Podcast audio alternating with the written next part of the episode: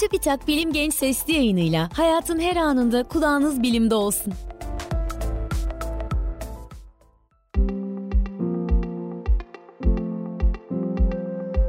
Jet lag nedir, neden ortaya çıkar?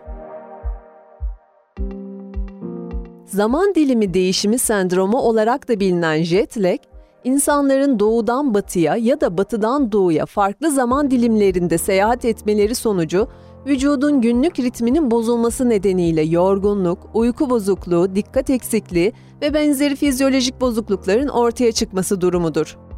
Günlük ritim, 24 saatlik döngülerde vücutta meydana gelen biyokimyasal, fizyolojik ve psikolojik değişimlerdir.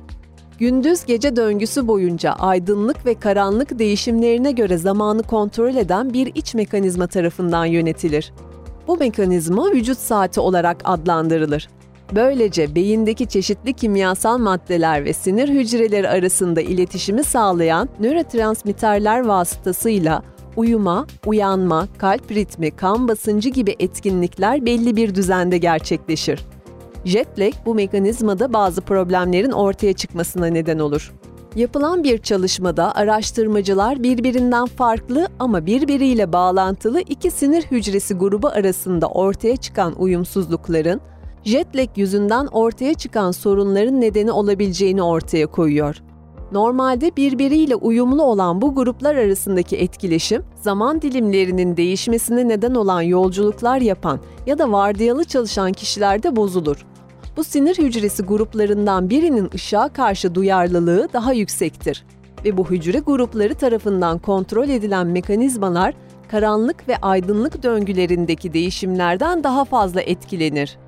Işığa daha az duyarlı diğer hücre grubu tarafından kontrol edilen mekanizmalarsa bu değişimlerden daha az etkilenir.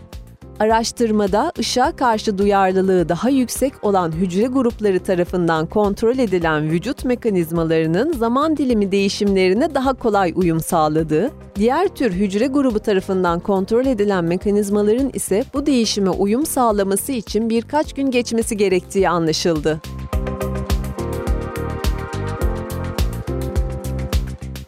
Genç Sesli yayınlarını SoundCloud, Spotify, Google ve Apple Podcast kanallarımızdan takip edebilirsiniz.